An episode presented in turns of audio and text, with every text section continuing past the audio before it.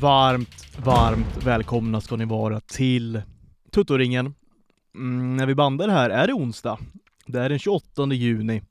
Eh, vi får väl se då, alltså bara så, som en referens då. Det händer ju att avsnittet kommer ut så här tre dagar efter att vi bandat ibland. Det är det ovana jag lagt till mig med tror jag. Att så här, jag, skjuter på, jag skjuter på klipperiet tills det går mer. så här, det måste jag, måste jag lägga ut, måste jag lägga ut avsnittet. Eh, ja. Kanske inte gör så mycket, men jag, jag har tänkt på det själv. Eh, det blir värre och värre. Jag ska försöka, ska försöka liksom bättra mig där lite grann. Eh, hur mår du annars Malte? Du ser, eh, du ser naken ut. Är du varm? ja, det är fruktansvärt varmt är det. Um, så att, ja, men jag, jag har svårt med värme. Det, det är uh, det är inte lika lätt att leva. Uh, så är det ju. Men, så att jag sitter här i bar överkropp, som jag oftast gör nu, ja, mellan juni och september i den här delen av världen. Um, så att, ja, nej, det gör, mig annars mår jag bra såklart. Men det är fan, det är inte lätt att gå runt och svettas hela tiden. Det är, Jobbigt. När det är mer, alltså liksom, som, som är kallast då på kvällen vid 02 så är det 22 grader, det är inte så lätt att sova heller, så att det, det är, man känner sig märklig klockan 12 på en onsdag, typ som att dagen precis har börjat lite, så att, eh, ja men annars mår bra. Eh, härligt. Jag sitter här på min lilla eh, altan, det känns så himla skönt att ha skickat iväg familjen, stängt in alla hundar, eh, har inte en stund för mig själv. Jag har liksom spenderat hela förmiddagen, eh, mm. ja, klockan är som du säger runt 12 nu då, spenderat hela morgonen, hela förmiddagen att göra ärenden. Alltså, eh, alltså att göra ärenden. Är det något du gör mycket? Du känns, känns som att du är en ganska ärendefri människa ändå. Ja, det, ja men det är jag verkligen. Alltså, det är typ, gå, typ åka och handla och sånt, eller fixa någon cykel. Det är väldigt sällan jag har eh, något sånt, utan det fixar jag när jag vill och känner för det, typ. Ja, det... Eller när jag behöver. Så det är sällan jag har ärenden. Jag har väldigt, nästan aldrig fått en jag har aldrig fått en sån här to-do-lista, eller skrivit en to-do-lista själv, utan det, jag gör lite det när jag känner för det, och när jag behöver det. Det är, det är ju... fria, absolut. Ytterligare en grej man liksom avundas dig. du är också liksom, förutom ett då mer eller mindre drömliv, eh, så är du också ärendefri. ja, men det, alltså, finns det något värre än att få ha massa ärenden att göra, typ en nej, det, nej, det, det gör ju inte det. det. Nej, det gör ju inte det alltså. Det är hemskt där det, göra ärenden. Men för att det är Sverige så här mörk novemberkväll, när det typ regnar, slask, eh, det, eh, alltså så här, det är beckmörkt klockan 16.12. Du ska iväg och handla, köpa några skor, ja. du ska hämta upp någon palsternacka på någon Ica för att uh, din tjej ska laga någon konstig ny vegansk mat som Tarek Taylor har gjort på TV eller något sånt. Och så ska du göra det en, två timmar, det är så här, och lite så här, trafik hem, så här, torsdag eftermeddag. Alltså det finns inget, det finns inget Nej, värre i mitt huvud. Jag fått, Nej, det... det... är lite som när jag går in i, kyr, det är lite som när jag går in i kyrkor. Det, det är samma svettkänsla som kommer fram. ja, det måste vi prata mer om någon gång, din liksom fobi, kyrkofobi. Stora märkligt. katedraler i Italien, som det är kryllar av såklart, det ja. finns ju hur många som helst. Det, och eh, så här, torsdags, november, eftermiddagar i Sverige, när man har massa ärenden. Det är de två helvetena som jag, som jag eh, gör allt i min makt för att undvika varje dag av mitt liv.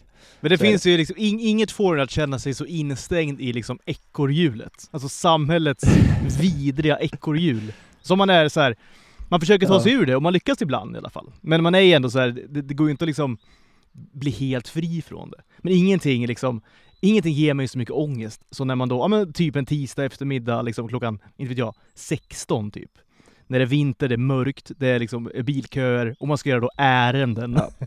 Nej, innan man kan åka hem. Det är, det är fruk fruktansvärd ångest alltså. Är det. Ja, nej fy fan. Det, det, nej, vi, vi lämnar det för jag är annars dåligt. Börjar svettas också? ännu mer? Ja, jag börjar svettas ännu mer, precis. Det är så 34 grader när vi spelar in här i eh, norra Italien, det är eh, ja. Då vill jag inte tänka på det helt enkelt. Det vill jag absolut inte. Något annat som jag i alla fall helst så här, inte vill tänka på, men som man liksom eh, tvingas tänka på idag, det är ju det här med eh, eh alltså AI. Och det, det, är så här, jag är, eh, jag är egentligen svintrött på det här AI-surret. Har det liksom nått, når det liksom även Italien, det här liksom eh, det, det, alltså det, här, det, det, blir mer och mer, eller mer och mer vet jag inte, men det kommer så AI-skriven musik, det är AI-konst, och nu, nu är liksom det, senaste, det låter ju som en uh, riktig gubbe, men alltså det blir mer och mer det här, alltså det kommer närmare och närmare kanske man ska säga, det här med alltså AI-film.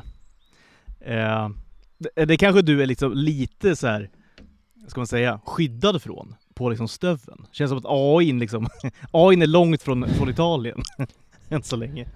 Ja men eh, vi är ju, men vi, vi och så här, Kalifornien, vi är ju försprång där. Te teknologiskt, är ju Sverige på en annan plats än vad Italien är kan man ju minst, sagt säga, så att, eh, absolut. Men det är klart att det står i La Repubblica och sånt också om AI, fast eh, inte i den, eh, inte det omfånget som det finns i Sverige, framförallt när vi har medieprofiler som typ Sigge Eklund som lägger ut grejer på.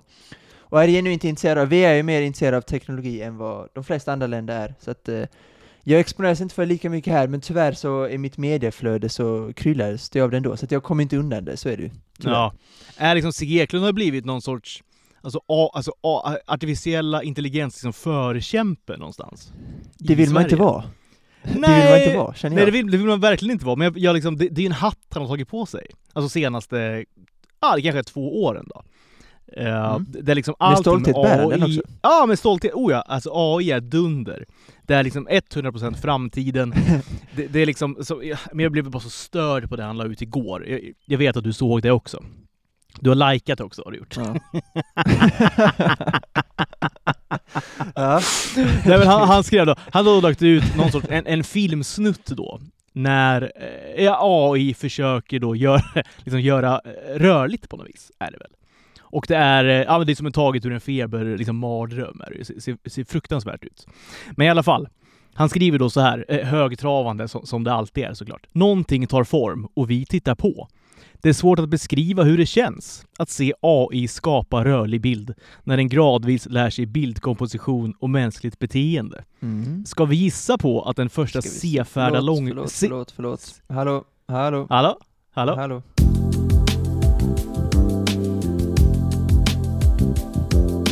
Sådär. Vi, vi ska brasklappa för att eh, jag är som sagt på Stöven och internetet, eh, det är en dålig dag, onsdag 28 juni, för eh, det italienska nätet. Så att, eh, men ja, nu ska jag, jag tror att jag har löst det här. Jag tror jag har löst det.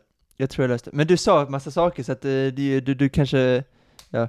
Du sa Nej, men en jag, bara, jag då. bara läser hans caption här. Jag tar den sista meningen också. Ska vi gissa på att den första sevärda långfilmen, som är helt och hållet AI-skapad, all bild inklusive manus, bara är några år bort. Vad händer sen? det är ju... Eh, det jag reagerade så himla starkt på var ju så här den första sevärda långfilmen som är helt och hållet, alltså du vet, och då snackar vi allt från manus då till eh, alltså, bi- eh, alltså bildkompositionen, på, alltså man filmar då inte skådisar utan en AI-dator, en AI-dator, du fattar vad jag menar, tar då fram eh, scener liksom. Det, det, jag reagerade så himla kraftigt på i alla fall, och det skrev jag också i, i en liten kommentar, det var ju så att Ja, du skrev det till mig i en kommentar till honom. Ja, det gjorde jag. Nej, men jag skrev Ja, så här. gjorde det? "A- AI-film Ja. kommer aldrig vara sevärt, skrev jag. Precis som att AI-konst är totalt ointressant. Och jag skulle också kunna lägga till att liksom Oh. AI-skapad musik också är liksom ett totalt, totalt ointressant. Och det har ju att göra med liksom att grejen är, en, alltså AI, det är liksom, det är dött. Det är liksom, är, det har inget liv, det har inget, inget känsloliv, det har inget inre liv. För mig, alltså när, när någonting som är dött skapar någonting. Alltså det den skapar då ha- har liksom per definition inget liv heller så att säga. Förstår du vad jag menar? Det, Ja, det, det är det som gör det för mig, det är det för mig som gör det så fruktansvärt liksom, ointressant. Till exempel det här med AI-konst, som också då Sigge Eklund är en stor liksom, eh, eh, förespråkare för då, och håller på med mycket själv då. Och, och, och, och, eh, och diverse liksom, eh, kretiner, liksom, åh det är så häftigt, åh vad spännande, åh, vad- så här. Vilken liksom sida liksom i det här AI, liksom, det är inte ett AI-krig, men det är ändå någon sorts så här, Nej, inte än. så verkligen, verkligen. Vi är bara, vi är då enligt Sigge Eklund kanske några år bara från den här singulariteten, är det så det kallas för? Liksom, när då maskinerna Ja, eh, reser sig upp mot då mänskligheten och, och eh, förgör oss helt enkelt.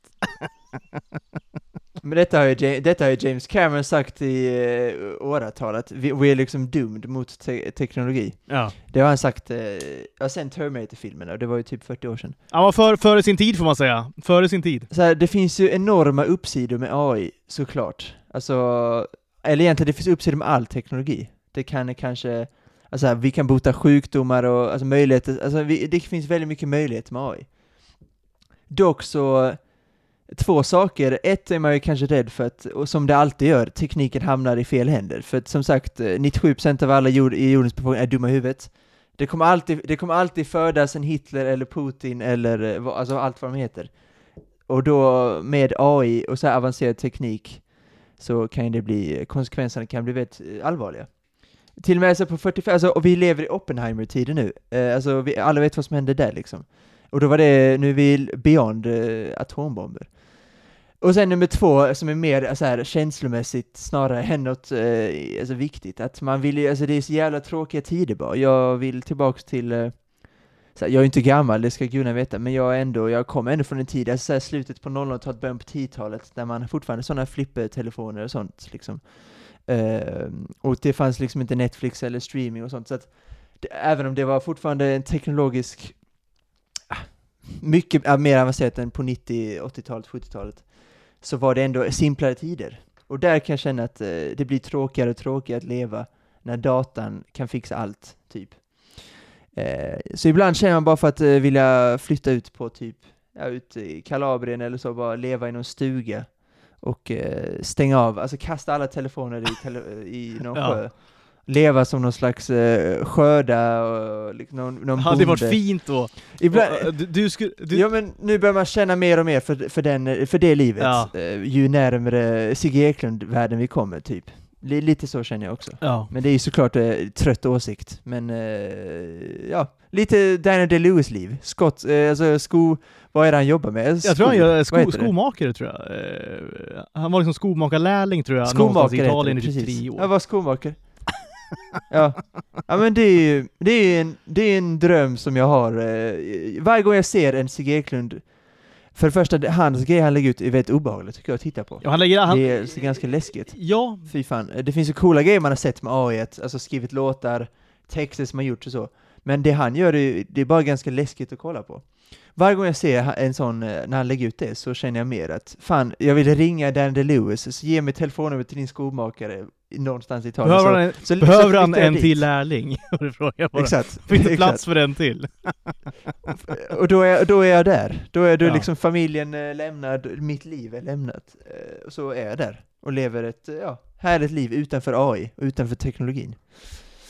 Så att det, det är väl där jag står någonstans. Jag ser alla uppsidor, och så här, jag, jag har inte tänkt insatt för jag är inte alls intresserad. Eh, det är väl mest det. Det borde man kanske vara. Så att, eh, men jag är liksom varken för eller emot, jag är mer emot än för, så kan vi säga. För jag ser Nej, men jag tycker det, uppsidor. Jag men jag ser också väldigt många nedsidor. Eh, ja, det gör man ju. Det är klart det finns massa uppsidor. Det var som bara förut idag, på tal om ärenden då, så hade jag ett ärende hos Telia. Där jag då eh, chattade då med en person som eh, förmodligen också var någon sorts AI-gubbe liksom. Det var ju säkert ingen riktig person jag pratade med. Alltså så, här, så kan det ju vara. Så, så långt har ja, vi absolut. väl ändå kommit, tänker jag. Uh, till exempel sådana grejer, så det är klart det är svinbra. Men min invändning, det är inte mot AI generellt. Alltså så här, som du säger, eh, AI tror jag... det är mot Sigge Eklund. Mitt hat är alltså mot Sigge Eklund. Nej men det, det, nej, men det, det är den här liksom, det här, det här alltså eh, vad ska man säga, den här kulturella AI, alltså den här eh, skapande ja, jag AI. Alltså när det gäller, Skapandet av döda skap, ting. Nej men så här, exakt, alltså per definition tänker jag, så kan inte någonting som är ska, alltså en tavla, en film, vad det nu är för någonting, en, en, en, en låt. Per definition kan inte det vara intressant tycker jag. Alltså för mig kan det inte vara det. För att det, det, det, det är dött liksom. Det är dött. Finns ingenting där liksom. Nej, och då kan man säga, då kan det vara, det var som någon som svarade då på min kommentar, eh, eh, ja, någon sorts ja, idiot såklart. Så här, skrev hon då två då, så här, gråtskratt-emojis bara. Som så här, det, det jag skrev var helt sjukt.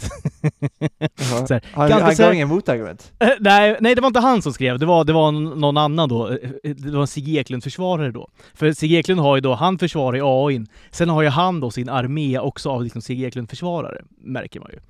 Eh, så, som då bara älskar allt han säger. Ganska säker på att du inte skulle se skillnad på en akvarell av AI och en målad av en konstnär. Eh, jag lyckades ladda upp en AI-genererad bild hos en stockfotosida som absolut inte tar emot AI. Just saying. Som om det då skulle då motbevisa hela mitt liksom, känsloargument av att AI Alltså, är ointressant. Det, det, det, där, jag, jag, det fattar väl jag också, att, eh, att AI kan ta fram eh, eh, en akvarellmålning som ser verklig ut.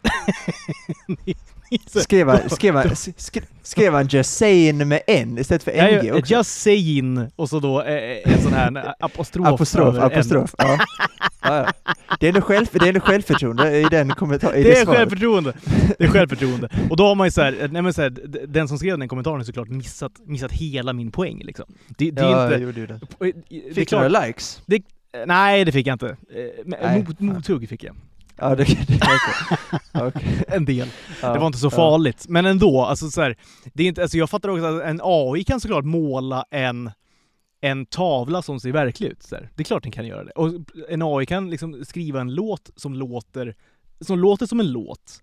Men så här, grejen är att för mig kan det aldrig bli intressant. Liksom. För mig kan aldrig eh, en, en, en, en, säg då en långfilm, 100% skapad av AI, bli sevärd. Alltså- Alltså bli intressant. Det är, så här, det är omöjligt för mig. Och det, Ja, det, är liksom, det är rent och känslomässigt argument, inte någon sorts liksom, teknologiskt, att det ser fult ut eller sådär. För det är klart AI kan skapa vackra saker.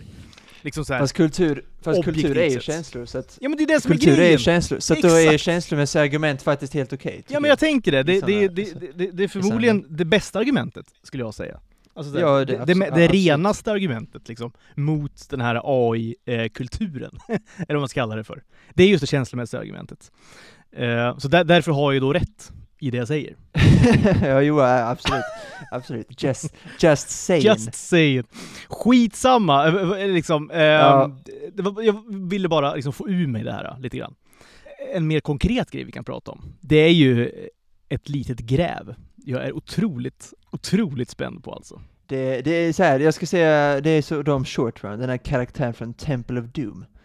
Eh, från 1984 som är då uppföljaren till eh, Raiders of Lost Ark, där då den här lilla kinesiska pojken är liksom någon slags assistent, och det är helt oförklarat genom filmen var han kom ifrån och så. Så först och främst, först och främst grävde jag lite så här problematik kring eh, filmen då. Och det är såklart moderna eh, karaktärer, eller moderna artiklar, alltså från universitet och så. Från typ såhär, ja de senaste fem åren. Så det är inte alls mycket kritik från, så från 80-talet. Härligt, men också väntat. Det var ju att det- det eh, så här, på, på det sättet oproblematisk tid. Eh, exakt. Det var liksom, Eh, så. så. att säga, det var lättare att leva då på något vis. Ja, ver- man verkligen. Om jag... problematiserade inte så mycket, gjorde man tror jag. Nej, och det, det fan vad jag saknar det. Jag liksom är född i den, den problematiserande generationen. Att leva under ett 70-80-tal dröm hade varit för mig. Ja, men det känns som, det känns som din generation... Också med AI. Ja, men ja, exakt. Alltså din generation, alltså 00 liksom talisterna känns det som att allt är liksom relativt bara hela tiden. Alltså så här, inget är absolut, eh, allt är bara en stor gråzon på något vis. Eh, förstår vad jag menar? Jorden, jorden, ja, jordens avskum är min generation. Helt, 100 procent. 100 procent. Jordens avskum. Ja, det, det är det ju. Ja. Men en, en, en eh, man då som, till, eh, som inte tillhör jordens avskum, det är då Short Round, som föddes som Wan Lee. Eh, den 8 februari 1926. Och då helt enkelt det jag började gräva var hans bakgrund, för jag var väldigt nyfiken. Och eh, han blev då en, eh, vad heter det, orphan, alltså Föräldralös. föräldralös. Eh, efter de japanska bomberna i Shanghai 32. Så det är ändå logiskt att eh, det, just det hände. Och då blev han då helt enkelt en ficktjuv i de gatorna där han bodde. Och då, eh, efter ett tag så hittade han då Dr. Jones som han då försökte stjäla ifrån. Och då Indiana då helt enkelt tyckte det var en, eh, en bra asset liksom. Så att då tog han med honom eh, då, för det, du ska säga att detta var 1935 när han träffade Mm. honom, i en gung ho bar. Eh, Bra och filmen namn. utspelar sig exakt, ja verkligen. Young ho. Ver- verkligen. Verkligen. Och eh, då fick han, då var han till exempel, ja då, då, det var där vid 35, och där någonstans så utspelade sig också Temple of Doom. Så att det var inte så mycket mer dramatiskt, och det är faktiskt en ganska rimlig backstory nu när man eh, ser efter, tänker efter, känner jag.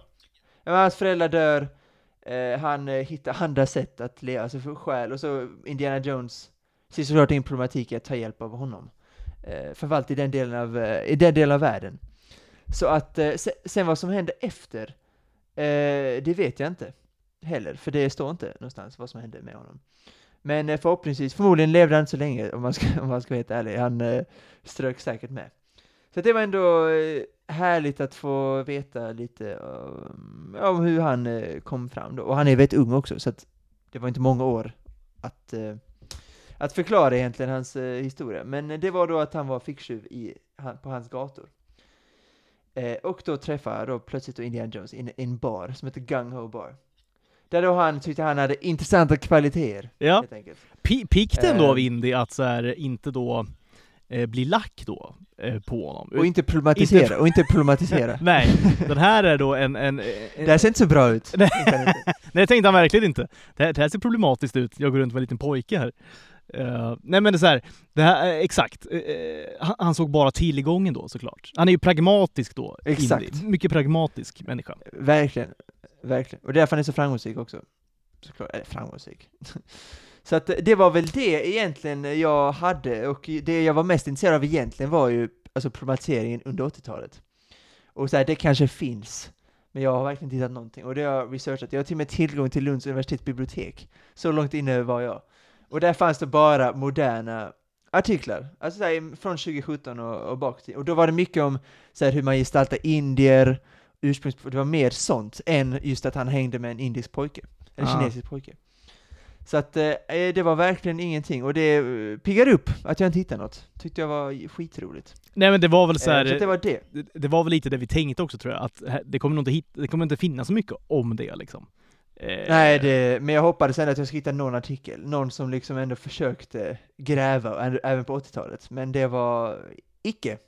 Spielberg var väl, eh, och, och George Lucas var ju ohotad. Tänk bara på en presskonferens i Cannes, någon ställer sig upp, såklart kanske någon svensk förmodligen, skulle det kunna vara. Eller någon någon från movie scene. no movie scene. Eller Dagens Nyheter, ännu värre.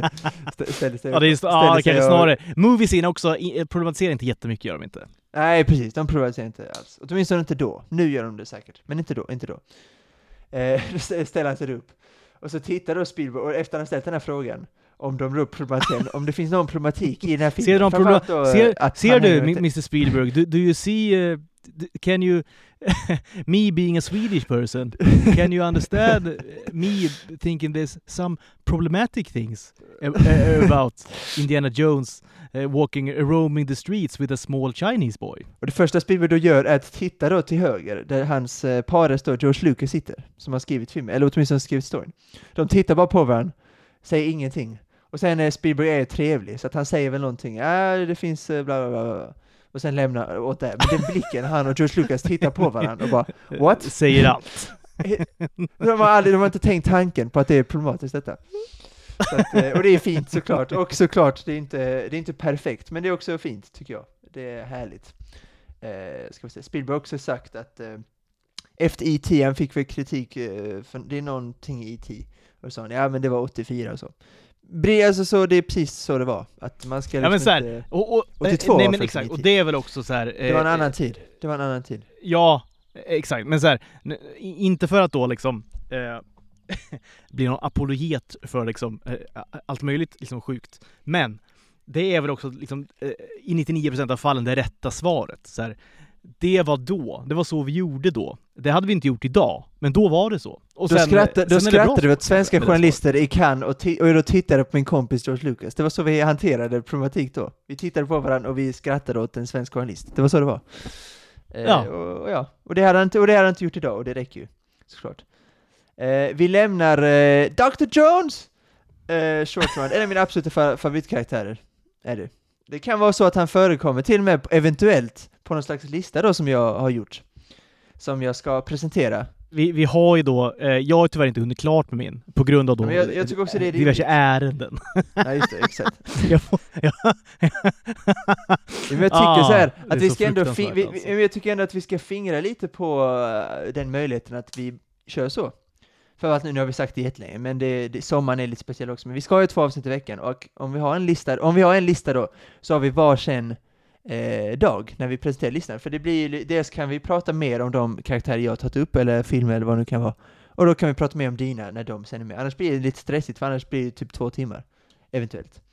Så därför känner jag att vi ska ändå fingra på detta, att vi har en gång, eh, så då kan vi prata om lite annat också, att det inte bara blir listor hela, hela timmen. Då känner jag att det, vi, det, det, det, det kanske blir en bra idé detta, så det, dina ärenden kanske ändå hade något positivt med sig. Kanske förde något gott med sig. Ja, precis. Fint också att nu fick lyssnarna hänga med på lilla redaktionsmötet här också. Ja, exakt. Lite bakom, Bakom kulisserna. kulisserna, precis. Bakom kulisserna, tutoringen. Ja. Otroligt, otroligt är det. Uh, nej men super, men jag tycker, ska vi köra listan då? Vi, det, det, det vi pratar alltså är i listan då topp 10 Karaktärer franch- från alltså franchise. film-franchise-karaktärer va? Kanske roligaste listan vi har gjort. Här vill man ju, alltså du kan ju inte så välja då, eh, när vi pratar franchise pratar vi då liksom inte trilogier, utan vi pratar då Nej, vi har valt fyra eller fler. Måste det finnas. Så att eh, du, du skulle inte kunna säga då, ja ah, jag har valt James Bond-franchisen och min favoritkaraktär är James Bond.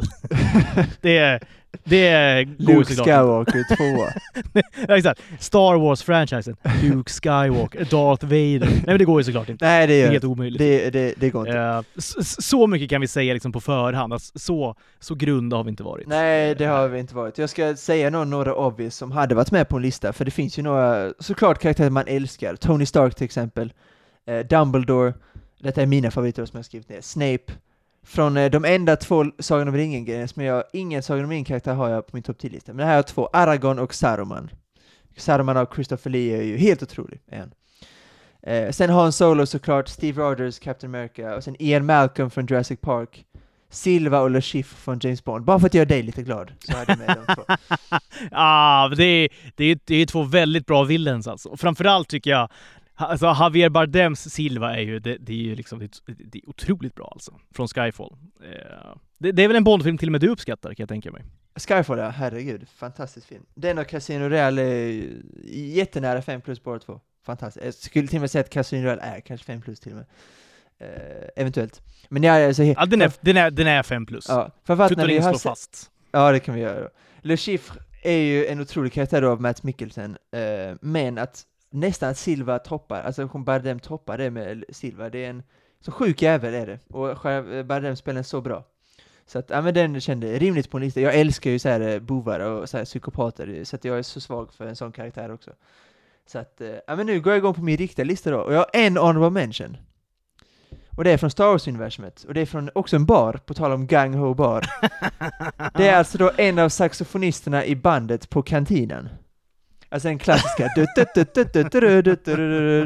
När han Solo då, liksom, ja, när han eh, negotiatar lite med Jabba the Huts, ja, och han själv också. När, han, när vi får se Han Solo första gången, det är där han presenteras på, i den här kantinen. Och det är såklart en ikon, ett, det är ett ikoniskt band såklart. Eh, band. Verkligen nörd när man liksom anser att det är ett band. Eh, sjukt såklart. Eh, men också att eh, det är en ikonisk melodi som spelas eh, också på Lego Star Wars eh, hela tiden när man går in i den baren och man ska byta karaktär eller byta värld eller vad det nu kan vara. Så att det är ikoniskt melodi, ikoniskt band och eh, en ikonisk sax saxofonist helt enkelt. Så att eh, det var en, en enda honorable mention hade jag där. Och då eh, har vi en topp 10 som eh, jag tycker är eh, väldigt bra. Och det är väldigt blandat också, alltså olika franchises och sånt. Och nummer 10 då, där är ju en... Eh, Riktigt svajigt nu alltså, jag hör, jag hör ingenting. hör du ingenting? Jag hör nada. Hör du mig nu? Nu ska vi se. Hör du mig nu? Nu, ja nu hör jag. Okej, bra. Nu hör jag. Eh, då, har jag, då har jag en topp 10 här då, som eh, nu, nu när jag faktiskt tänker efter så är ju faktiskt tian här en del av en trilogi. när jag kom på det. Men... eh,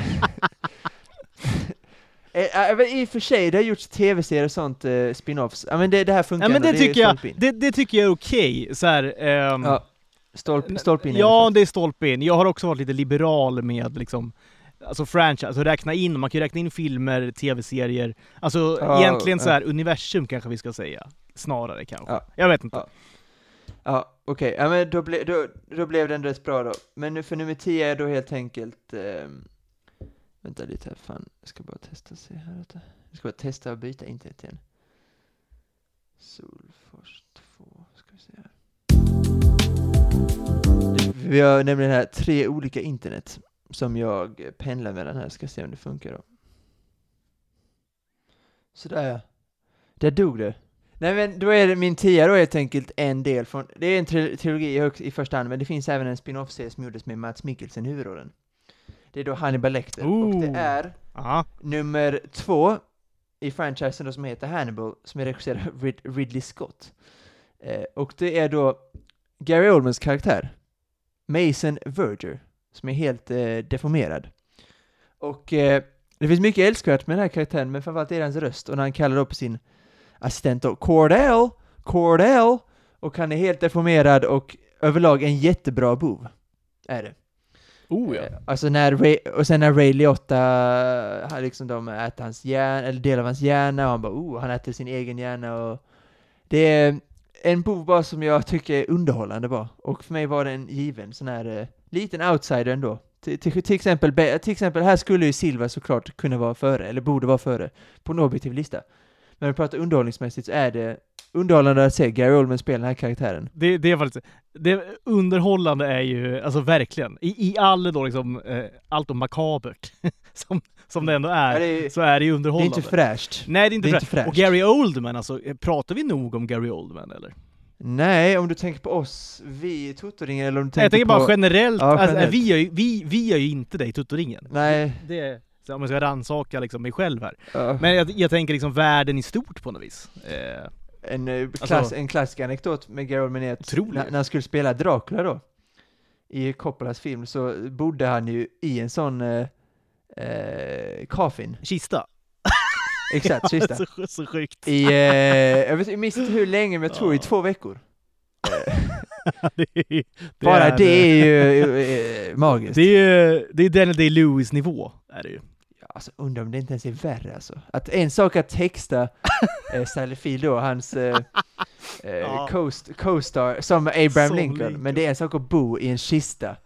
Det är ju, det är nästan ett steg till. Här har han, han, kanske han har eh, liksom mött sin överman här, eh, Daniel Day-Lewis. Lewis, ja. eh, I liksom Gary Oldman. ja Fint ändå. Ja, jättefint såklart. Eh, Då kanske, kanske han vi ska, liksom ska nämna liksom, hela tiden som liksom go-to-namnet när det kommer till då method acting. Alltså inte då, det är alltid Daniel Day-Lewis hit och Daniel Day-Lewis dit liksom. ja. Kanske är det Gary Oldman man ska bolla ja, upp varför inte? Fint att jag tog upp på de här då. Eh, Ja, verkligen. Ja men det, så det var härligt, också underskattad film kan jag tycka, för alla snackar om Silence of the Lambs, men både Hannibal och Red Dragon tycker jag är Nej, jag tycker de är Absolut. svin... Ja, Ja, jag håller med. Jag håller, håller med. verkligen. Håller Så med. lite, liten, Oh, liten eh, två tummen upp för de filmerna. Eh, I det här fallet Hannibal. Nummer nio, ännu smalare, eh, är detta. Star, vi, vi pratar Star Wars då, och vi pratar Revenge of the Sith, Episod 3. Och eh, Anakin har precis då gått berserk och eh, håller på att, och Palpatine då har precis execute order 66. Och då kommer då Anakin till lärjungstemplet.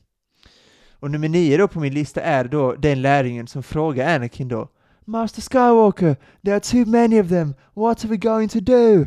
Och sen bara ser vi då eh, Anakin då bl- bläddra ut sin, eh, sin lightsaber och då förmodligen hugga huvudet av på honom. Man vet ju inte exakt vad som händer Förmodligen. förmodligen. Ja. Så det är den lärjungen, och återigen när det kommer till George Lucas senaste filmer, det är mediokert barnskådespel helt enkelt. Det är, me- så här, det, det är svajig leverans. What are we going to do? Och sen klipper de då bakom Skywalker så ser man bara då det här blåa lasers- lasersvärdet här då, och då ser man den här killens reaktion. Som är då liksom, eh, ja, ganska tafatt, men det är så här, han överspelar lite och liksom han vrider på hela kroppen och bara ser chockad ut, snarare än rädd.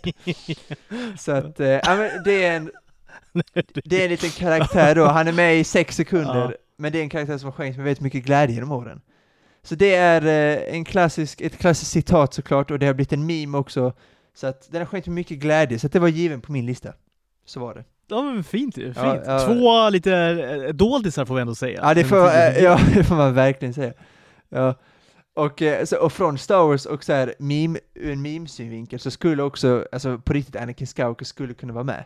Men han är lite för stor eh, för att vara med på den här listan. Men det finns alltså massa grejer som han säger, och även Boba Fett, eh, det barnet som han spelar då när han ska släppa in då Obi-Wan i Jango Fetts lilla hus då på eh, Camino-planeten. mycket nördsnack nu, men det får, det får ni ta. Också så här skitdåligt skådespel, men framförallt Jake Lloyd, som vi har pratat om när vi pratar om Harry Potter och de framtida Ja. barnen som ska spela och hur, ja, hur vi missun- missunnar dem det och hur mycket hat de förmodligen kommer få på internet, tyvärr. Som Jake Lloyd då fick, den här som spelar Anakin i första filmen, åttaåring eller vad han nu kan vara. När vi börjar att han säger då till Padme, Are you an angel? Med så här svajig, återigen svajig leverans. Så, så dåligt är det ju. Very, är det ju. it's very, very dangerous. Och man bara ser, nej, nej, nej, nej, nej, vad är det som händer? Och sen då fick han massa mordhot och hat när han var åtta och sen blev han då en junkie.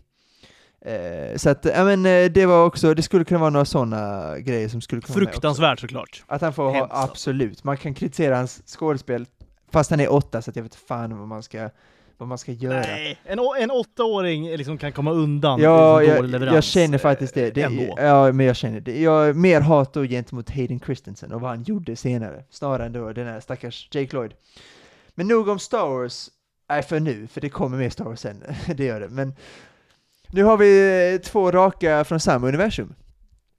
Och nummer åtta är då från min, eh, jag får den film jag gillar minst från den här franchisen, men en karaktär som jag tycker att det är så vi pratar väldigt mycket skit om den här skådespelaren genom poddens historia. Oj då. Ja, det har vi gjort. Eh, med rätta i och för sig, men jag tycker här att han levererar ändå en otroligt, på tal om underhållande då, en underhållande karaktär. Professor Lockhart från Harry Potter 2, Chamber of Secrets. Mm, mm. Eh, och det är ju på gränsen till en löjlig karaktär, alltså klassisk skärmtroll som egentligen inte, alltså han är helt inkompetent. Men det känns nästan överdrivet att det skulle kunna vara, att liksom han har fejkat sig hela vägen dit, vilket han har i och för sig då. Spoiler alert för ni som inte har sett Harry Potter 2, men det känner jag ändå att det får ni fan ta i sådana fall, om ni inte har sett den. Ja, gud ja. Och det kan man ju ändå så här, eh, dels relatera till. ja, liksom, fa- fake it till you make it. Det, det är li, lite mitt motto någonstans. ja men är inte han en liksom, eh, inspiration då? sympatisera med. Ja, men det tycker jag han kan vara. Han är en inspiration Verkligen. för eh, lathet, för eh, fusk, för uh, charm på något sätt, att det kan ta dig en bit. Ja, Eh, men lite såhär cunning. Alltså, Ja, eh, lite så här, verkligen.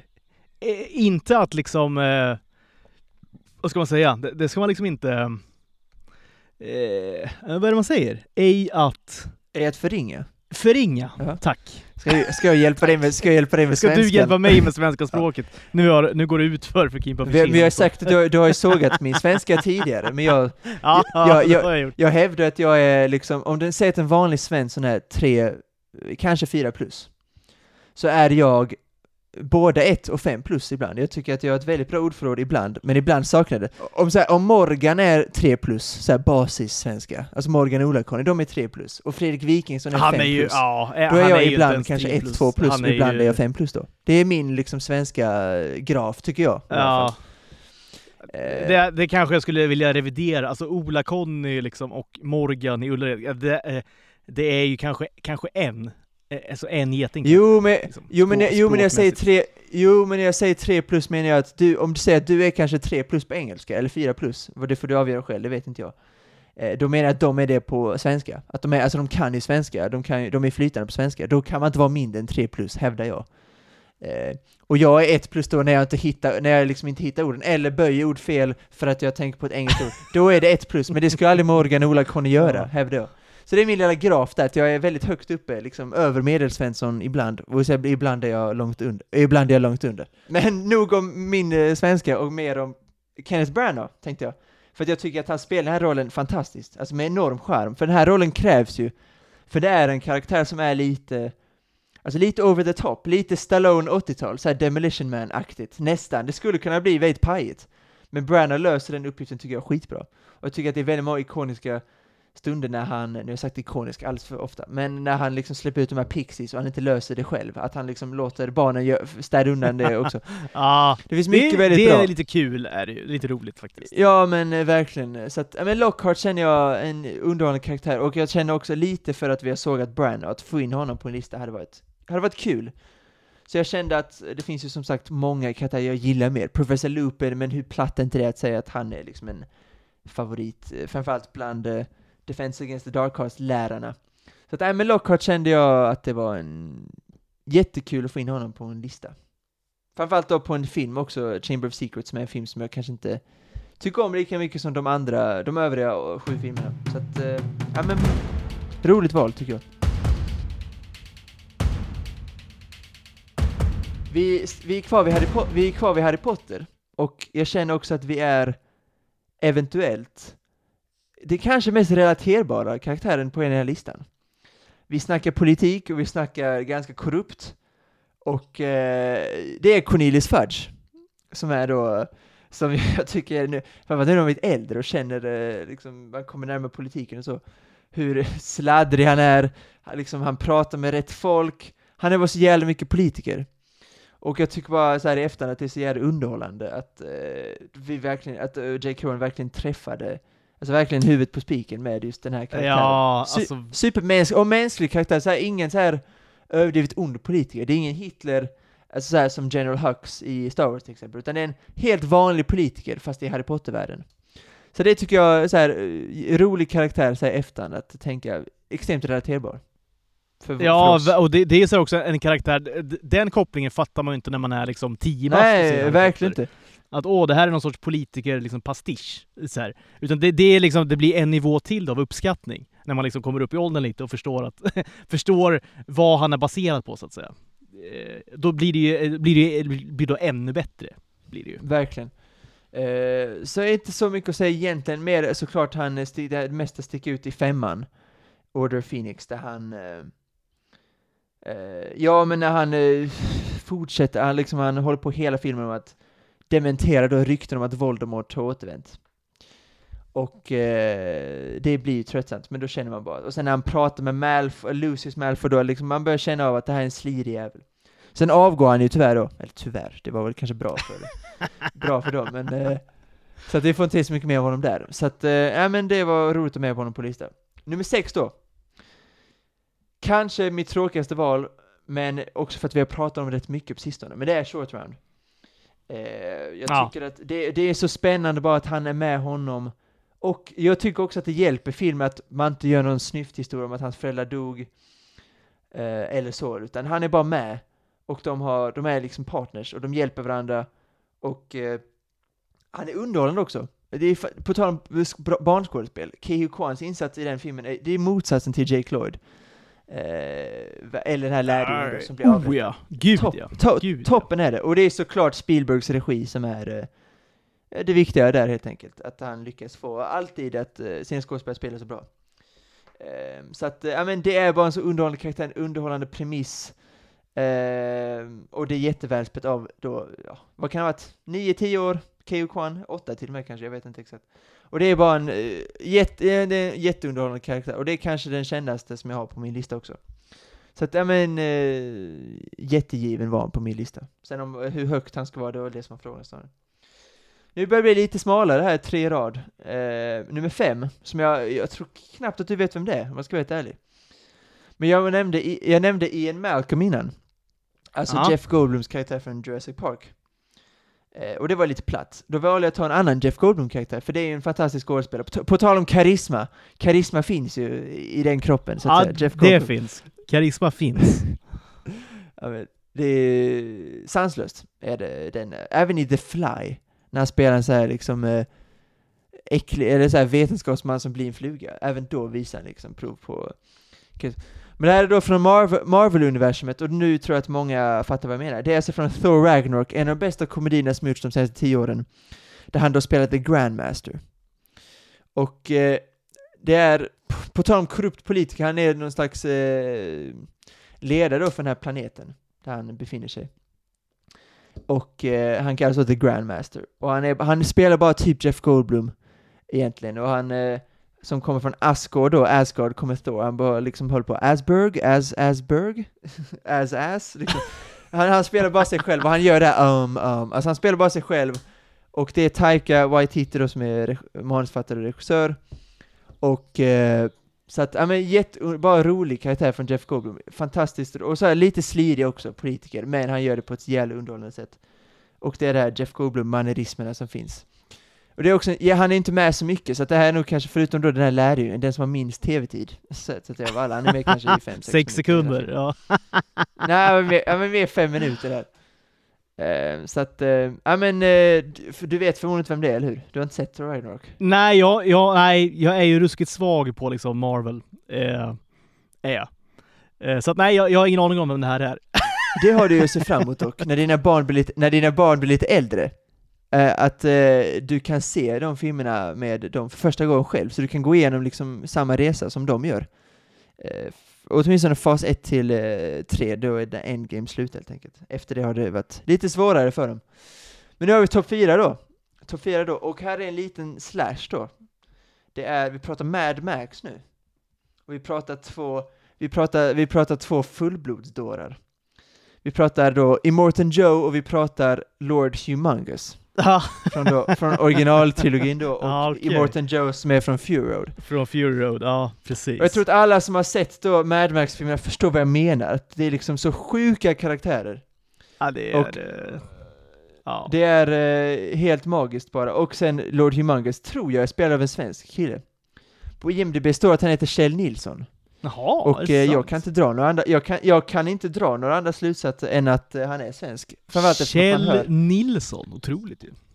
Jag förstår inte varför han är en större, varför inte han är en större grej i Sverige? Alltså borde inte han eh, ha ett större medieutrymme, tänker jag? Ja, alltså, alltså Eller? nytt, grä, nytt gräv känner jag här till nästa vecka. Ja, men alltså, är det, på riktigt ja, alltså? Ja, jo det kan jag absolut göra. Är det, eh, jag känner att det är det ett litet scoop? Som Alex och Sigge på Alltså, stan brukar snacka om. Är det ett scoop? Kjell Nilsson, vi har någon pratat någonsin om honom i Sverige? Någonsin? Nej men det, det, exakt, det, är- det är ju jättekonstigt ju. Det är typ en av de största svenska skådespelarinsatser någonsin. Ja, kanske. Alltså, ja, en av dem är det ju. Alltså så här, låt oss vara ärliga. Så är det ju, Ja, ja. faktiskt. Eh, Ja. eh, gud ja. Och man hör också så här efter att han har svensk dialekt, att jag, alltså jag är 98% säker på att han är från, från Sverige då. Ehm, och då är Morton Joe den nya varianten då, och när vi, alltså där, den scenen när de spelar elgitarr och det kommer eld ur den, alltså det är bara, Nej men det är totalt, det, det, det var gåshud på bion när man såg den Ja, första gången. Det, alltså det var det faktiskt. ja. Det var ot- otroligt var det. ja men det förstår jag. Det var gåshud när jag satt hemma i tv-soffan och såg den första gången. Ja men det fattar jag. Nej men så här, hur, hemma i hur, tv-soffan också när jag eh, hur- satt och såg den. ja, men så här, hur skriver man en sån scen hur, och hur kommer man på liksom sådana karaktärer? Det är ju, det är ju genialiskt. George, ja, jag vet, George, ja men George Miller är ett, ett geni. Och Ja. vi ser fram emot två nya Mad Max-filmer. Exakt. Furiosa-filmen då, som eh, är klar, de ska hålla på, de, de är, håller på och klipper den tror jag, och lägger på musik och sånt. Eh, och sen kommer då en uppföljare till Mad Max Fury Road. Som eh, håller på att spelas in nu tror jag. Så att vi har två nya George Miller-filmer att se fram emot. Ja, det, På Ja, tiden. men det är ett ste- ja, men det är ett sånt geni, men jag hoppas också att det betyder att han har lagt så mycket tid på det. Eh, det, det är det jag hoppas. Men i varje fall, jag känner också att jag vill säga innan vi går vidare att Mad Max Fury Road är kanske den bästa filmen som gjorts, en av de tre bästa filmerna som gjorts de senaste tio åren. Åtminstone på en topp 10-lista för mig i varje fall. Ja, framförallt den bästa actionfilmen i varje fall, det kan jag nästan slå fast nu. Nummer tre, det är också det, för det, här, för det, men det här är lite speciellt ändå för att det är eh, en karaktär, och det är från en franchise som man kanske inte brinner för så mycket. Om man jämför med Harry Potter, Mad Max eller Star Wars. Det är från Hunger Games-böckerna. Och jag vill, ändå ge dig, jag vill ändå ge dig tre gissningar här, för att eh, det känns som att du kommer ha svårt att träffa, träffa dem. Tänk Ja, lite nej, utanför ja, boxen, liksom. Det är inte enda jag kan tänka, alltså, sånt, utan det är... ja... Nej, alltså Hunger Games, jag, jag har nog bara sett första filmen tror jag. Eh, det var liksom ingenting för mig. Däremot, Ja, men det, det, det räcker. däremot ja men då hoppas okej. jag att det är Woody Harrisons karaktär. Oh, ja men det, det, det är en bra shout, absolut. Hej Mitch. Absolut. Shout-out till, eh, till han. Ja, ja och, och till min vän Woody också. ja, alltså, alltså, alltså på tal om Woody Harrelson. Eh, om jag bara får, visste du att han och Matthew McConaughey, alltså förmodligen är biologiska bröder? Nu hörde jag inte vad du sa, din anekdot om Woody Harrelson här. Det är ju, eh, Otroligt. det har man ju inte läst nog om. Alltså det är ju, det är ju, på tal om scoop, Ja, det är liksom decenniets sjukaste grejer. är det århundradets Att de scoop? förmodligen då är liksom bröder. Är det århundradets scoop? ja, det kanske är århundradets. Alltså Ja. århundradets Hollywood-scoop måste det ju vara. Det är, det är ju sanslöst det. Ja, Att det, det är är, det är helt otroligt är det. Det är, ja, jag läste för några veckor sedan, jag hoppas att de tar reda på det, för det, jag känner att världen eh, förtjänar att ta reda på, att få reda på det. Nej, men, det, ja, men grej, grejen är ju då att, att, att Woody Harrelsons eh, farsa då var ju, ja, han var ju en mördare helt enkelt. Alltså en dömd mördare och liksom skurk eh, i hela sitt liv. Eh, som satt i finkan eh, tills han dog. Eh, och Matthew McConaugheys farsa har ju alltid då tvivlat på att han är, att han är Matthew McConaughey's liksom, riktiga farsa. Han åkte inte in till BB när han föddes. Så här, han, så, problematisk relation såklart har ju de två haft då. För att han, eh, eh, Matthew McConaughey's far, eller morsa då var ute och slira lite, verkar det som. Och hade då en, en relation med Woody Harrelsons farsa. Liksom runt den tiden när, när Matthew McConaughey eh, föddes. Eh, och det här har då ett upphov till så att Alltså hans morsa har liksom bekräftat att ja, men vi har liksom, vi har liksom haft ihop det under den här tiden. Uh, så, så, att så här, mycket, och, och, då att liksom, uh, Matthew McConaugheys då, mm. uh, vad ska man säga, juridiska farsa har ju alltid tvivlat då på att han är hans biologiska farsa.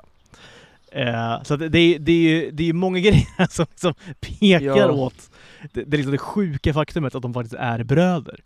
Uh, och jag, jag, hoppas ju bara att de gör ett himla DNA-test bara. Ja, det var drömmen såklart, hade varit. Um, ja men för att deras bromance också som de känner, det är klart att någon dragning har med till varandra. Sen är det kanske inte, ja, de alltså... är inte superlika i och för sig. Um, men jag vet, jag hoppas att det är sant. Det är ju såhär, statist, statistiskt är det inte otroligt, så är det inte. Nej, och även så alla indicier som pekar åt det hållet. Uh, McConaughey's morsa, uh, McConaughey's mamma osar inte kondomer. Åtminstone inte då. Uh, under 60-70-talet. Nej, alltså nej, det, nej, det, var mer eller mindre en hippie tror jag. Ja. Alltså, uh, ja. liksom.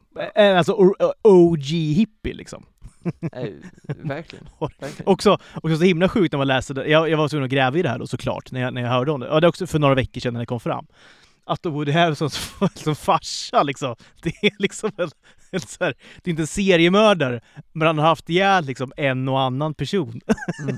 liksom. ja, det, va? Är det sant? Ja, det är alltså en, han är alltså en, en dömd mördare alltså.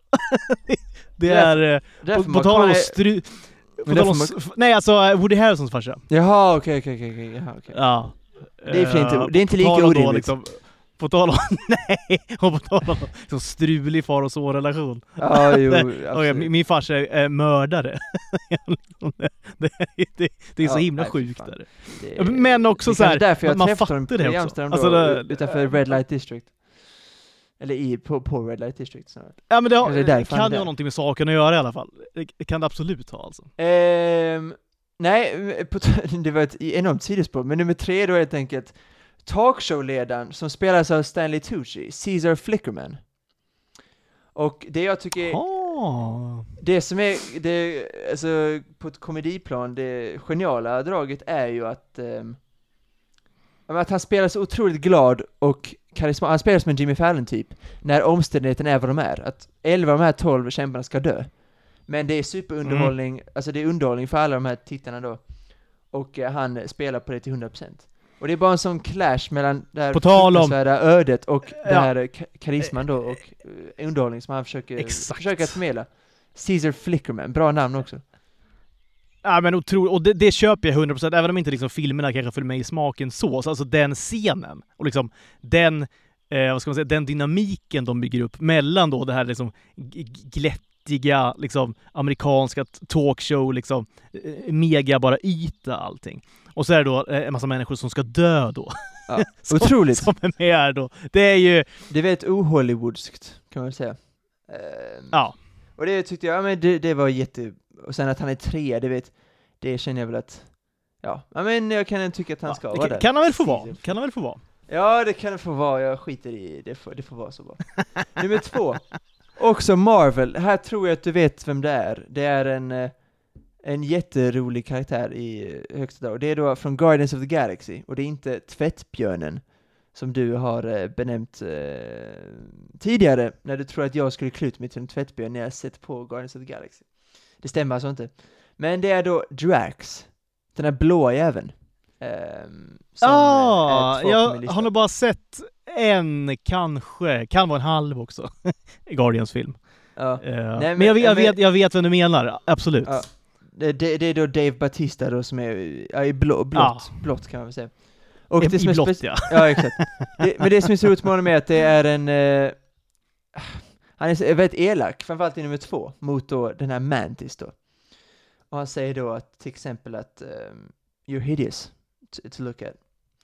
Eh, och i tvåan då, när Starlord och, eh, vad fan heter hon? Eh, Gamora kysser varandra så står han där och äter nötter. Och han bara, och då Chris Pratt bara, dude. Och han bara, I'm standing so incredibly still. You cannot see me. I can see you Drax. I'm invisible to the human eye.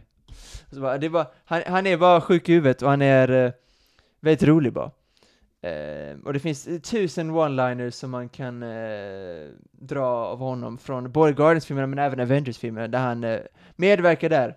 När Tony Stark då står och planerar då för vad de ska göra i uh, Infinity War och han bara börjar gäspa plötsligt. Are you yawning? yes I started yawning when you said we have a plan.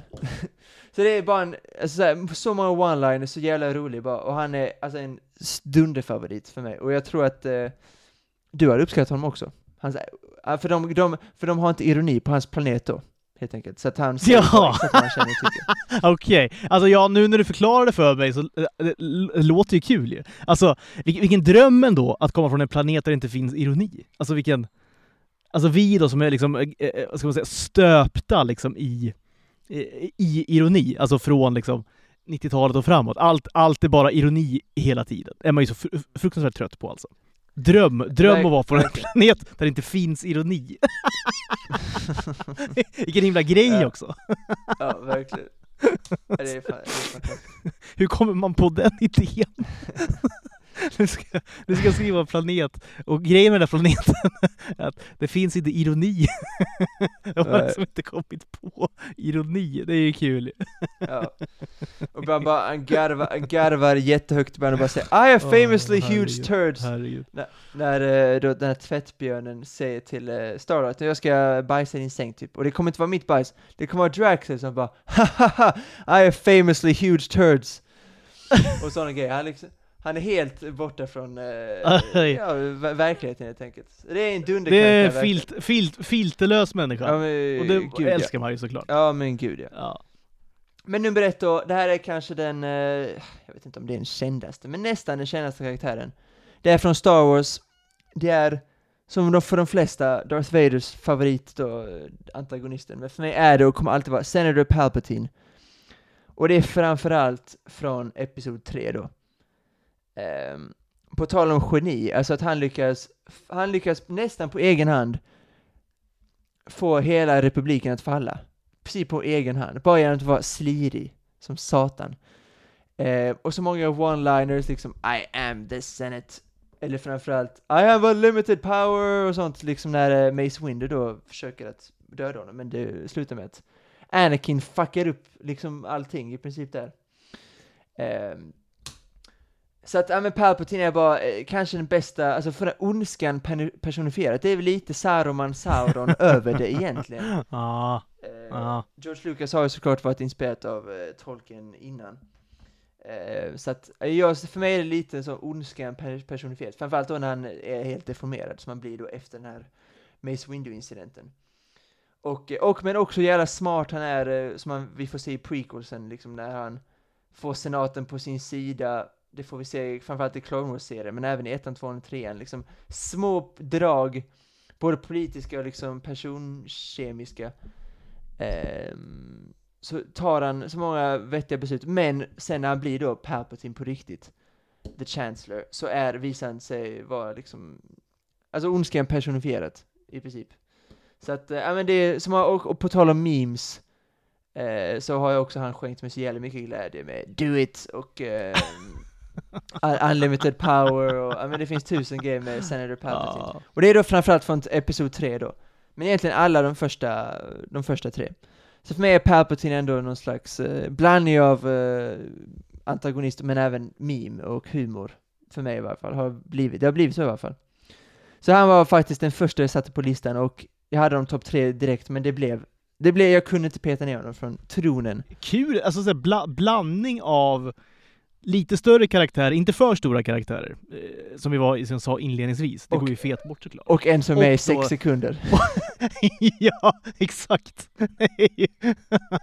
Nej, bra mix. Alltså, ruskigt bra mix. Den, den, var, den är väl inte missnöjd med den här listan? Nej, det är jag inte alls. Det är klart att eh, alltså jag grävde ändå väldigt mycket. Så att jag tror inte att jag har glömt någon så, men det, om det är så så så tycker jag det är lite synd, men jag tror ändå, jag är ändå rätt nöjd med, eh, med listan. Det är som du sa en blandning. Jag har framförallt de här mindre, de här nuggetsen, så här lärjungen från Revenge of the Sith. Eh, Grandmaster då med Jeff Goldblum. Caesar Flickerman, det är sådana jag är lite mer nöjd. Sen är Short Round, jag hatar mig själv för att jag hade med honom på listan, men det, det, han är given på något sätt, så är det bara. Och han är också en ganska liten del av hela Indiana Jones-universumet, så jag kände också att det var okej. Ja, men det tycker jag verkligen. Så här, det tycker jag verkligen är okej. Och det passar ju också bra eh, till vårt gräv som vi hade idag. Faktiskt. Ja, eh, precis. han, han får ändå ta så. en plats på liksom topp 10-listan. Det blev Det så. Det blev så. Eh, vad ska du göra resten av dagen nu då, Malte? Ja, nu fan jag är hungrig som satan. Jag har tänkt gå och träna, men fan om jag inte ska skita i det, för jag är så jävla sugen på jordnötssmörsmackor bara. Och en eh, s- rökt scamorza ska jag äta också. Åh! Åt, det till, åt Gott. halva igår till lunch. Eh, med sked bara, alltså med, med sked bara. Bara eh, åt den som ett äpple. Ja men typ, Ja. typ. Som när George äter, som när George äter en lök, Costanza. ja, eh, exakt. Eh, eh, Jag tänkte precis komma in på det också, Seinfeld. Han äter ju också, eh, det, det, det, det är också det han vill göra då när hans fästmö dör, eh, Susan. Eh, Som han då Mm. liksom indirekt har ihjäl själv. Att han då liksom bara Mm. vill, vill- han vill då bita, han vill bara ta ett bett av livet liksom som man tar ett bett av en, av en stor ost. Ja. Just Vilket han, vilket han också gör då sen. dröm att vara iklädd kalsonger och äta ost. Det var, jag är typ iklädd kalsonger nu, jag ska kanske ner och äta upp halva scamorzan då som jag Nej, åt alltså. eh, upp igår. Otroligt då liksom, rökt ost. parallellt universum är ju du liksom George Costanza här och nu.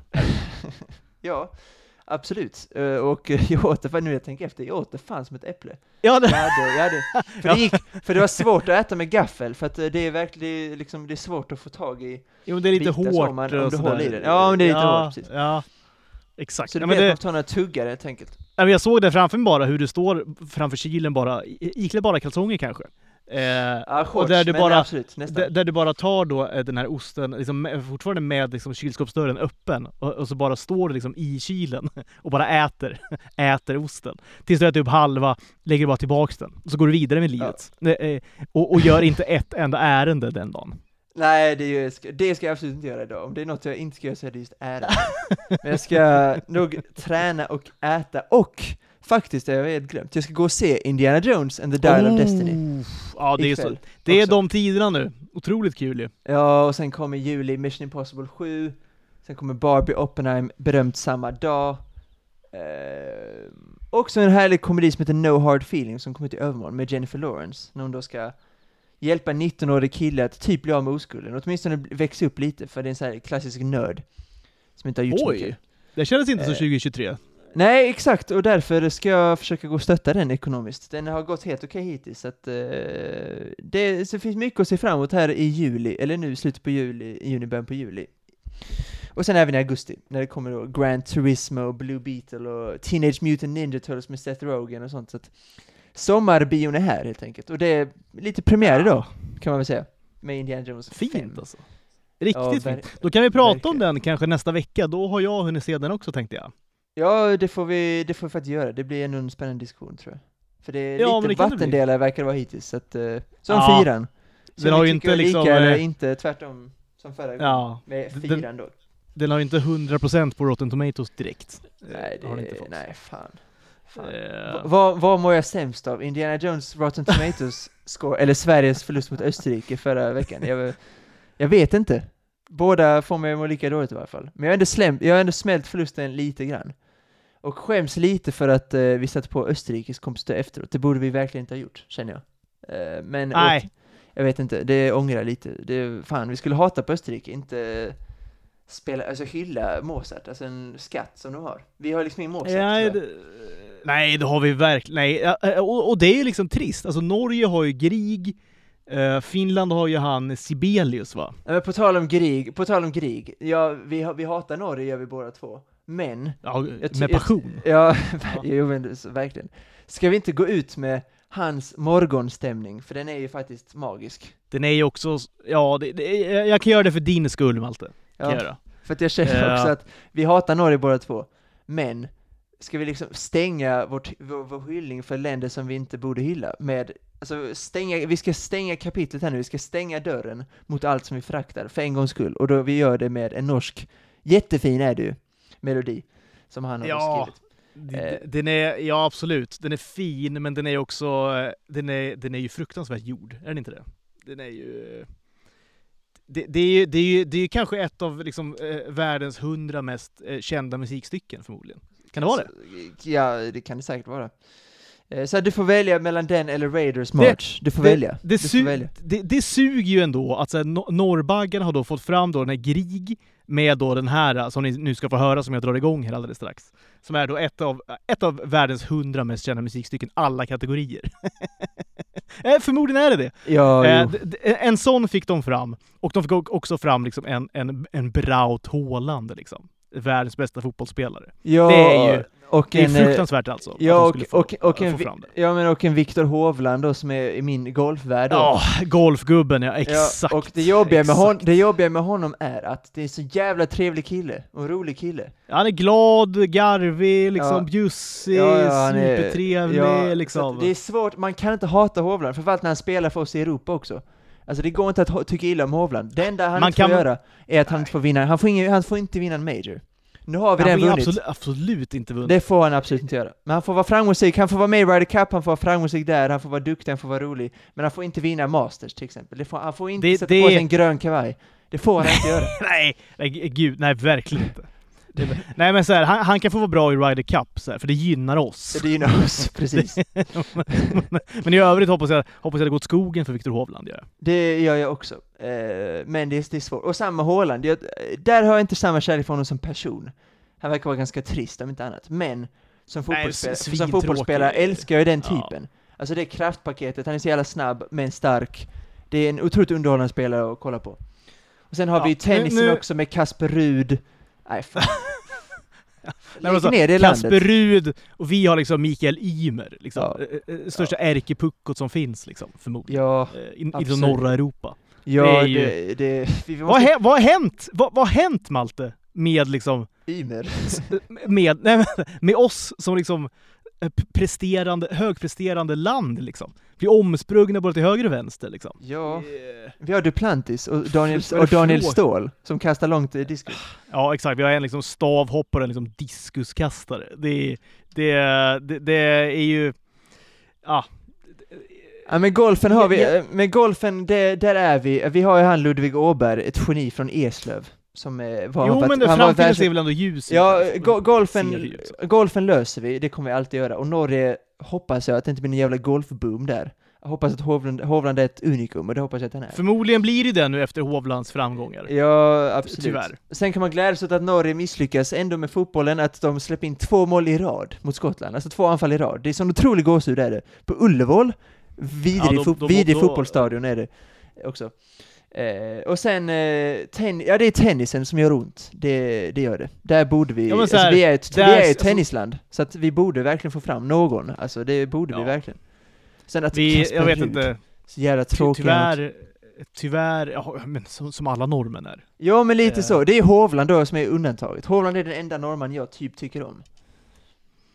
Ja, nu, nu ska vi inte stretcha det för mycket. Men sanningen är väl tyvärr att Sverige var ett tennisland.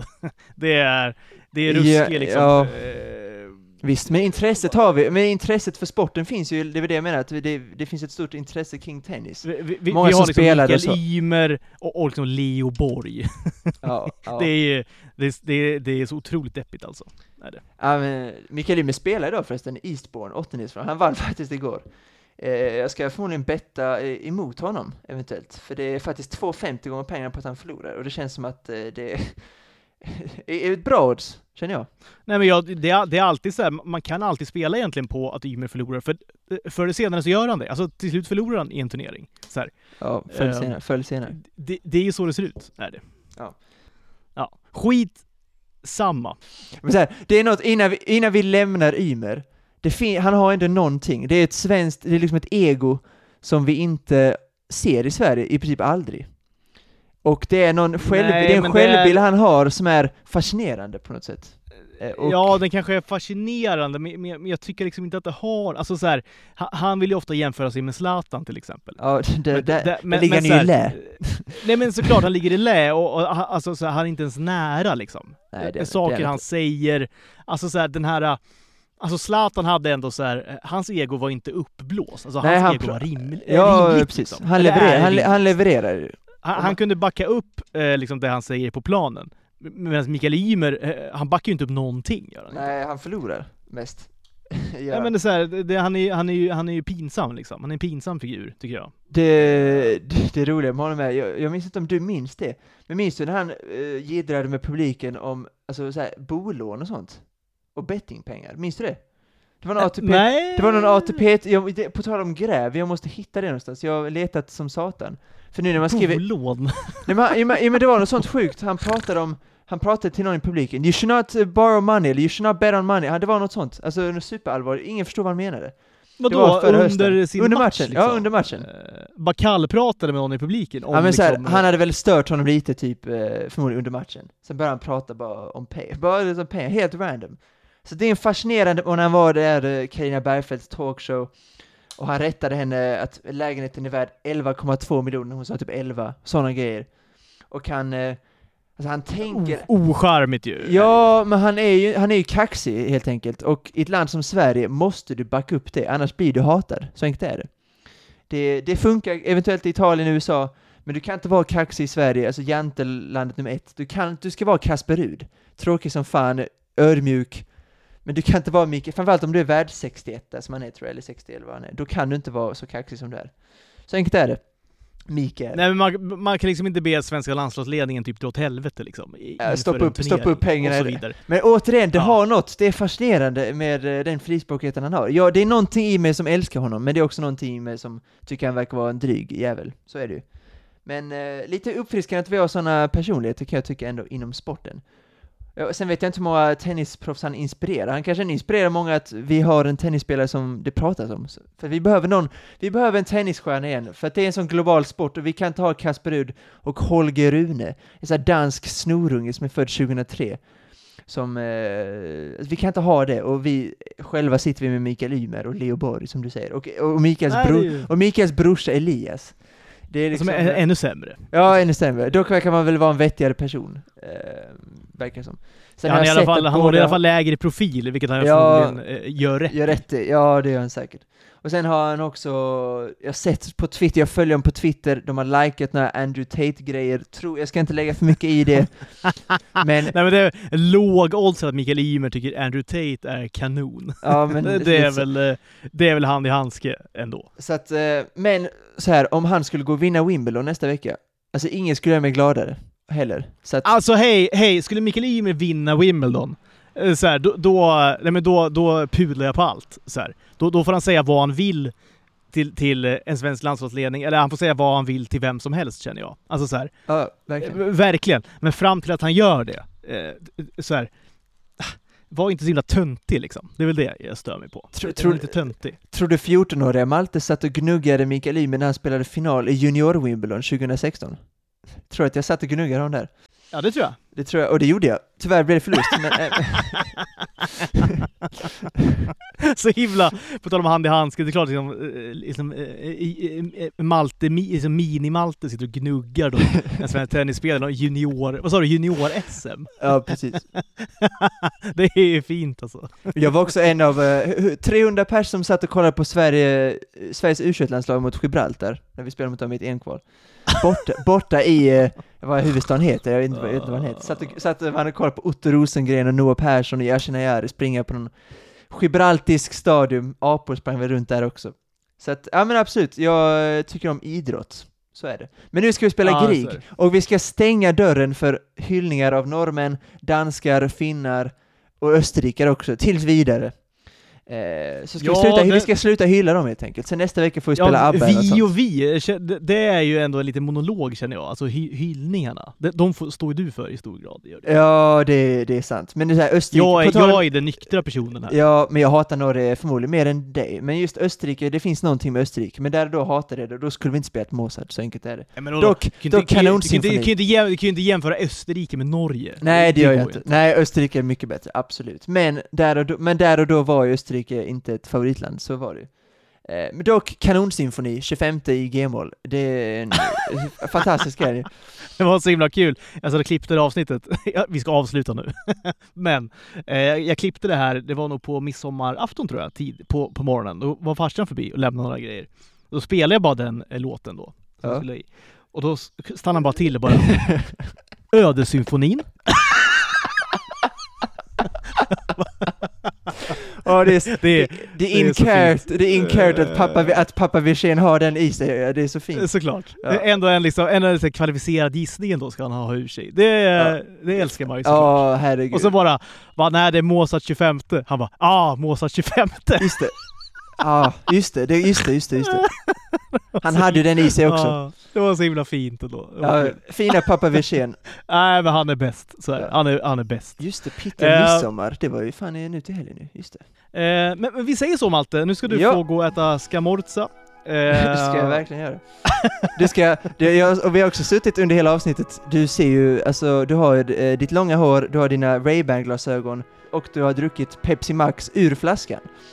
Så jag känner mig, pondusmässigt känner jag mig idag i lä, helt enkelt. Så att jag känner att jag, ja, jag, jag känner mig, jag känner mig konstant ned, jag känner mig konstant liksom på en eh, pedestal långt under dig. Och det känns det är- lite svårt stundtals att eh, Jag tänkte du skulle säga tvärtom, att, att idag känner, eh, liksom så här, det, det, är det ju i vanliga fall också.